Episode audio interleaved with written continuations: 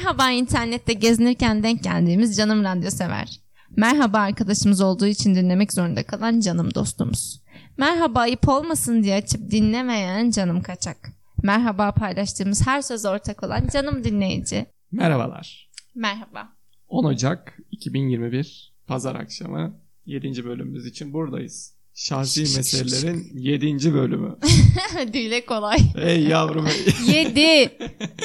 Yazıyla. Şimdi şöyle e, şöyle bir konuyla geldim. İ- Aynen, İnşallah Onur geldi, ben değil. Sen de.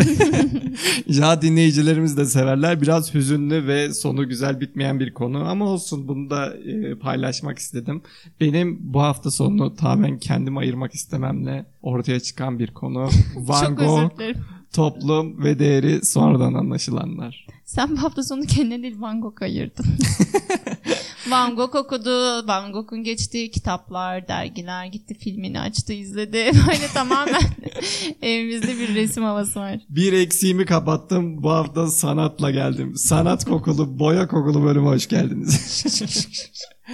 Şöyle e, değeri sonradan anlaşılanlar olarak ortak bir konu belirledim ve gerçekten üzücü. Yani düşündükçe iç karartan ünlü düşünür filozof Cem Uzan'ın söylemiyle sıkılıyorum, daralıyorum, isyan etmek istiyorum, isyan. bu toplum neden böyle? Bu toplum neden insanları dışlıyor? Bu toplum neden kötü? Hiçbir şey değişmiyor değil mi? Yani değişmiyor. Yani yüzyıllar önce okuduğumuz bir hikaye ya da dinlediğimiz bir şey şu an günümüzde de yaşanıyor. Birçok insan yaşıyor. Gerçekten öyle ve aslında baktığında toplumun en tehlikeli bireyleri çocuklar. Ama çocuklar çok acımasız çünkü hiçbir şeyin farkında değiller. Ama Van Gogh'u bile ölüme sürükleyebiliyorlar baktığında. Çocuklar ölüme sürüklememiş de etkili olmuştur diye düşünüyorum. Evet, öyle yani. Yavrucaklarımıza çok laf etmeyelim. Baktığında şöyle yani Van Gogh e, 1800'ler, 1800'lerin sonunda 1900'lerin başında yaşayan dünyaca ünlü e, ressam ama tek bir kötü yanı var. Dünyaca ünlü oluşu öldükten sonra ol- oluyor. Evet. Ben bir Van Gogh hakkında bilgi vereyim. Van Gogh Ver içinde kalır vermezsen ver. şöyle yeni öğrendim. Çok öğrendi. Gerçi yani büyük eksiğim de öğrendikçe de zaten bir üzüldüm neden bu yaşıma kalmış diye ama e, dünya resim tarihine yön veren bir büyük üstad ama e, tamamen yine dediğim gibi sonradan. Yani yaşarken olmayan halleri, yaşarken içinde yaşadıkları psikolojik durumları ve yaşarken bütün o toplumdan kaçış halleri hani o kadar hüzünlü ki o kadar insanı hüzne sürüklüyor gerçekten. Böyle anlatmak istersen Van Gogh'un da en büyük sıkıntısı aileden başlıyor. Annesi ve babası tarafından da hani e, ölen abisinin ismi veriliyor en başta Vincent ismi. E, aile dışın aile içinde de kendini dışlanmış hissederek başlayan bir çocukluk süreci. Neden dışlanmış hissediyor? Yani e, mükemmel olan Vincent önceki Vincent'mış gibi düşünülüyor. Anne Ölen. babası tarafından ölen Vincent'mış gibi düşünülüyor. Hani oradan başlayan küçük bir süreç aslında E baktığında. onun adını koymasalardı o zaman. Evet yani o da garip o da Nasıl yerin değişik. tutsun? Ve şey yani hani beceriksizmiş gibi hiçbir şeyi başaramayacakmış gibi. Ailenin içinde düşünsene çünkü el kadar çocuksun ve böyle bir e, Kıyasa sana gidiyorsun. şey veriliyor yani. Ailen tarafından böyle bir terbiye ve durum veriliyor. Tek güvenen abisi, abisi de ömrü boyunca maddi olarak bütün yardımı yapıyor. Zaten e, en ünlü olayı da yine birçoğumuzun birçoğumuz biliyordur ama işte ben de biliyordum. Sadece ayrıntılarını bilmiyordum. Çok yakın bir arkadaşıyla e, kavga ettikten sonra kulağını kesip gidip bir fahişeye hediye etmesi kulağını. E, ve tamamen olayın aslında döngüsü burada başlıyor. O içindeki ruh halinin ne sıkıntılı boyutlara gelebileceği görülüyor. Toplum tarafından ucu olarak, yaratık olarak tabir ediliyor. Ve zaten kendi bu durumu öğrendikten sonra, kendi de farkına vardıktan sonra akıl hastanesine yatmayı da kabul ediyor. Gidiyor bir süre akıl hastanesinde kalıyor. Ama e, akıl hastanesinde de aslında işlerinin iyiye gitmediğini de farkında psikolojik olarak. Orada da bir süre sonra iyileştiğine kanaat getirilince çıkarılıyor. En sonda e, Arves'e gidiyor. Fransa'da Paris'e 30 kilometre Akıl hastanesine uzaklıkta. yatıyor mu? Aynen Saint Ben Remy diye bir akıl hastanesinde yatıyor. Bir süre orada kalıyor. Ee, yine abisinin desteğiyle, abisinin maddi yardımlarıyla. En sonunda da e, kasabaya gittikten sonra da işte bir pansiyonda kalıyor. Bütün ömrü boyunca, bütün hayatı boyunca, bütün anında resim yapma hali. Ama bir yandan da baktığında toplum tarafından o işte kulak kesik diye o şey bir görülüyor, şey yapılıyor, ucube olarak bakılıyor yine dışlanma hali. E, psikolog psikolog bir arka, şey arkadaşı da var. Aslında tam psikolog değil ama doktor kendisi, doktor Gaşe. Onunla çok yakın arkadaşlık Evet kuruyorlar. o da resme ilgili birisi. O da resme ilgi duyuyor. Ee, aslında Gaşe'ye göre de artık iyileşmiş durumda Van Gogh. Yani artık psikolojik sorunlarını aşmış durumda. Özür dilerim yani intihar ettiği söyleniyor da bununla ilgili de çok şey var değil mi? Çünkü karnından mı vuruluyor? En son evet karnından vuruluyor. Mermi çıkarılamıyor. Çıkarılamayacak bir yerde. Ee, karnından vuruluyor dediğimde yani aslında birçok artık ispatlar kendini vurduğunu gösteriyor. Yani intihar etme Ama halinde işte de. intihar eden bir insan karnından neden vurur ki kendini? Evet o da konuşuluyor. Aslında Vin- Loving Vincent filminde de en çok bundan bahsediliyor ama aslında baktığında da e, birçok ispatta gösteriyor ki hatta kendini de zaten jandarmaya verdiği ifadede falan kendim vurdum diye ben yaptım. Evet, Kimse suçlanmasın. intihar edince direkt ölmüyor. Evet birkaç gün boyunca yatakta ölüm bekliyor. Mermi çıkarılamıyor. Yarası açık ve kapatılamıyor da. E, yani çok kötü de bir son aslında baktığında. Yani intihar etmek istiyorsun. O artık o an, o an psikoloji geliyor ve en son vurduktan sonra da o acılı şekilde ölüm bekleme hali. O da çok sıkıntılı baktığında. Hani ama en büyük sıkıntı da en büyük durağanlık ve olayın en kötü yanı da bütün bu yaptığın eserlerin ömrün boyunca sadece bir tanesinin satılması. Ömründe gördü. Yani bütün artık boyasına kadar abisinden alıyor para olarak. Ee, bütün o maddi desteği abisinden. Ee, ama bir tane tablon satılıyor. Öldükten sonraki satılan tablosunun bir tanesinin değeri 75, 75 milyon dolar. Yani sen çok e, düzgün konuştun da aklımdaki bir soruyu soracağım. O paralar nereye gitmiş? o para da çok büyük ihtimal abisinin Hı, ailesine diye düşünüyorum. Yani abisi de zaten şey abisi de frengi hastası. Ee, hatta en son onunla da söyleniyor işte. Ee, kendi ölümüyle de abisi de o psikolojik darbeyi yiyince 6 ay sonra abisi de evet vefat abisi de ediyor çok yani. hızlı ölüyordu ondan Evet sonra. e, zaten bütün mektupların falan hepsi daha ablasının şey e, yengesinde toplanıyor diyeyim abisinin eşinde. E, böyle bir son ve böyle bir tutunamama hali ve bütün bu şeye baktığımda tutunamama hali dediğimde de filmi ve bütün bu olayları izlerken ve okurken aklıma gelen tek bir kişi vardı. Oğuz Atay'dı. E, en iyi tabir eden ama kıyasa girecek olursak Oğuz Atay çok daha şanslı tabii ki Van Gogh'a göre. Yakınları var, işi var, mesleği var. Tabii Oğuz Atay'ın yaşadığı hayat biraz daha e, net Toplum bir hayat içinde- olmuş. Aynen. Şimdi Van Gogh'u düşünüyoruz. O sırada neden yaptı bilmiyoruz ama dediğin gibi başlangıcı kulağı kesmesiyle başlıyor. Çünkü bir sinir hali belki de ilgi çekme, o psikolojisi nasıl bir psikoloji, o aileden gelen psikolojiyle e, kulağını kesip gidip bir fahişe veriyor. Ondan sonra toparlayamıyor. Çünkü tüm insanlar ona garip gözüyle bakıyor. Çünkü hiçbir insan böyle bir hareketi yapmaz. Ve dediğin gibi tabiri caizse ucube şeklinde bakılıyor ve sürekli yer değiştiriyor. Yani sürekli bir kaçış halinde. Ama kendi de şunu biliyor. İnsanlara bakıyor. Ee, diyor ki hani normaller ben öyle değilim. Kendi de bir saatten sonra ona inanıyor. Onlar o psikolojik aynen bunu da söylüyor bir yerde zaten. Ben keşke ben de normal olabilsem diyor. Yani hani normal insanlar gibi davranmak istiyor. Ama bir yandan da öyle olmadığını kendine inandırmış. Toplum da ona inandırmış. Dediğin gibi çocuklar tarafından bile resim yaparken taşlanmış ya da abisi dışında kimse onunla e, gerçek bir insan mahiyetinde davranmamış. E, arkadaşıyla da sorunlar yaşayınca tamamen yalnızlık, içe çöküş ve kaçış. Şehir değiştirmeleri de ondan. En son intiharını ne tetikledi bilmiyorum ama zaten böyle bir hayatın e, böyle bir hayatı yaşayan birçok o sanatçılar, yazarlar bildiğimiz yani kötü bir hayat yaşayan diğerini sonradan anlaşılanlar hep bu şekilde hayatlarını son ver- verdiler ya da bu şekilde yaşadılar. Kaçış ve iç hesaplaşmayla. Ve böyle bir son yani aslında işine işin ucuna baktığımızda son ve kötü son hepsi ve Evet. erken yaşta son. Aa, evet ama en kötüsü ünlü olup olmayacağını yani bu kadar değere bilinip bilinmeyeceğini bilmemek değil de öyle bir hayat yaşamak bence. Çünkü hepimiz e, toplum tarafından dışlandığımız ya da yalnız hissettiğimiz anları yaşadık.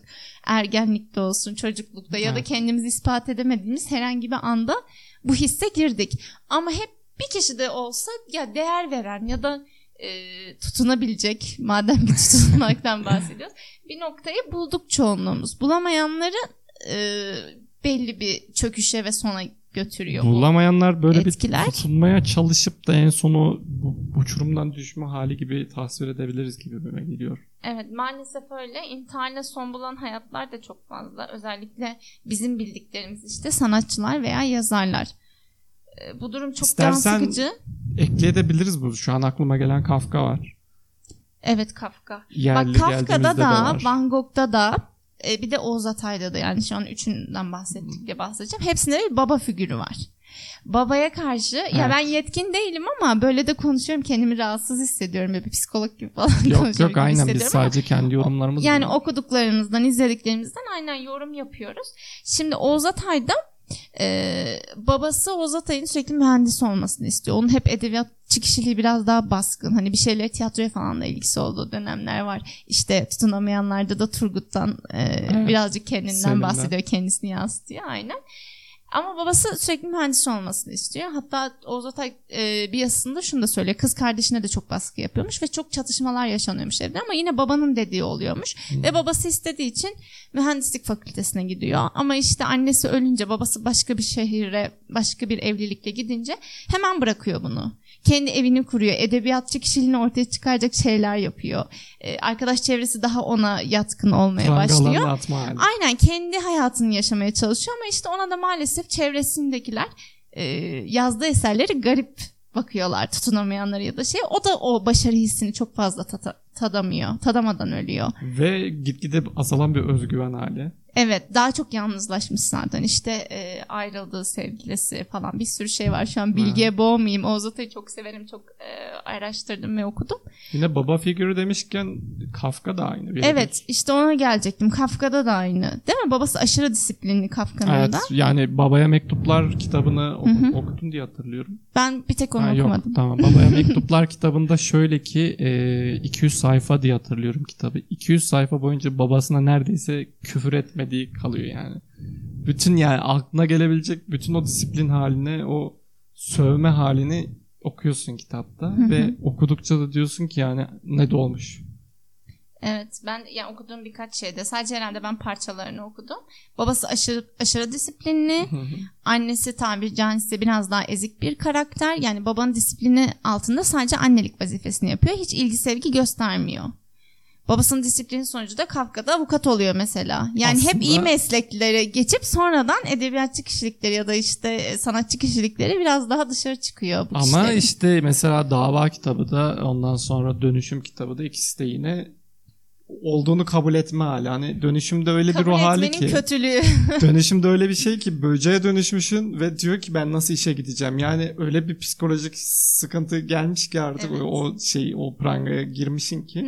e davada bir sabah uyanıyorsun sana dava açılmış Beni- sorgulamama Aynen. hali. Dava çok fazla etkilemişti. Ben dönüşümdense davadan çok etkilenmiştim okuduğumda. Çünkü evet bir suçla e, suçlanıyor ama bir şeylere yönlendiriliyor. Ne ne hakkında suçlandığını bilmiyor. Otorite o kadar baskın ki bunun bilgisi verilmeden bile çok fazla noktada yönlendirebiliyor ve karşı çıkmamama hissinin Değil mi o içine sorgulayamama? Aynen içinde yarattığı o çöküş falan çok güzel O vermişti zaten. Ama hepsinde de dediğin gibi baba figürünün e, baskınlığı sonucu ortaya çıkmış iç benlikleri. Başka hiçbir İlerleyen şey değil yani. ve aslında çok kötü en sonunda gerçekten o azalan özgüven haliyle toplumda gerçek bir tutunama haline tutunamama haline bürünüyor yani. Evet ve çok genç yaşta hayatlarını kaybediyorlar. Evet. Hepsi 40 yaşlarda. Van Gogh'u bilmiyorum da. Van Gogh 38, Kafka 41.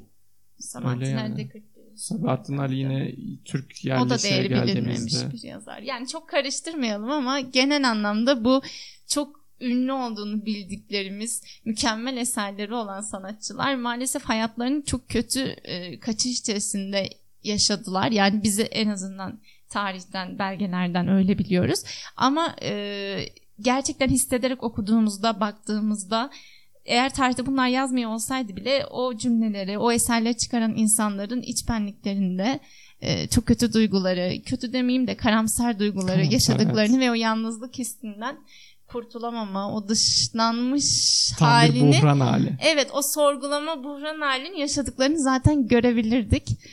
Bir yandan şey de diyorsun "İyi ki bu babalar var da bu güzel eserler çıkmış diyorsun şaka şaka. Ama Evet. o zaten olmasaydı nasıl olurdum bilmiyorum mesela. Benim üzerimdeki etkileri çok fazla. O yüzden e, bir yandan da hüzünleniyorum şu anda konuştuğumuzda.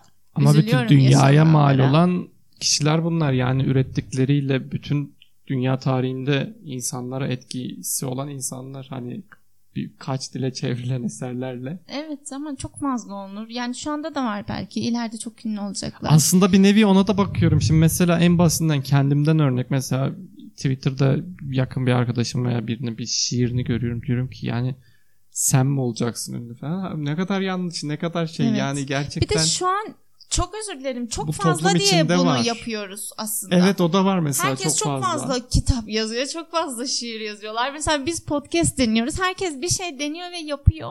Ama eskiden niye böyleydi? Yani Van Gogh o resimleri yaparken neden ona ucube gözüyle bakıldı aklım almıyor.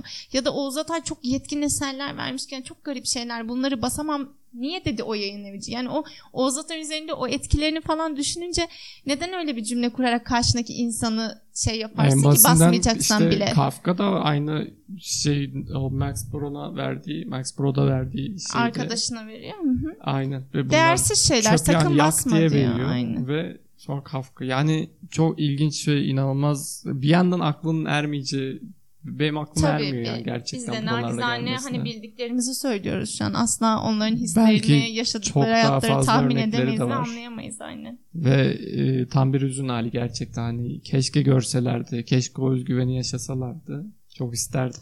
Yani Ben ben, öyle adıma. bakmıyorum ya. Ünlü olduklarını görememedense o e, o gençlik yaşlarını daha özgüvenli, mutlu ve e, dışa dönük yaşamalarını isterdim. İşte o şey, yani ünlü ünlü olma değil de önce o yaşadıklarını tahmin bile edemiyorum. Çünkü çok küçük yaşadığımda bile çok etkilendiğimi biliyorum.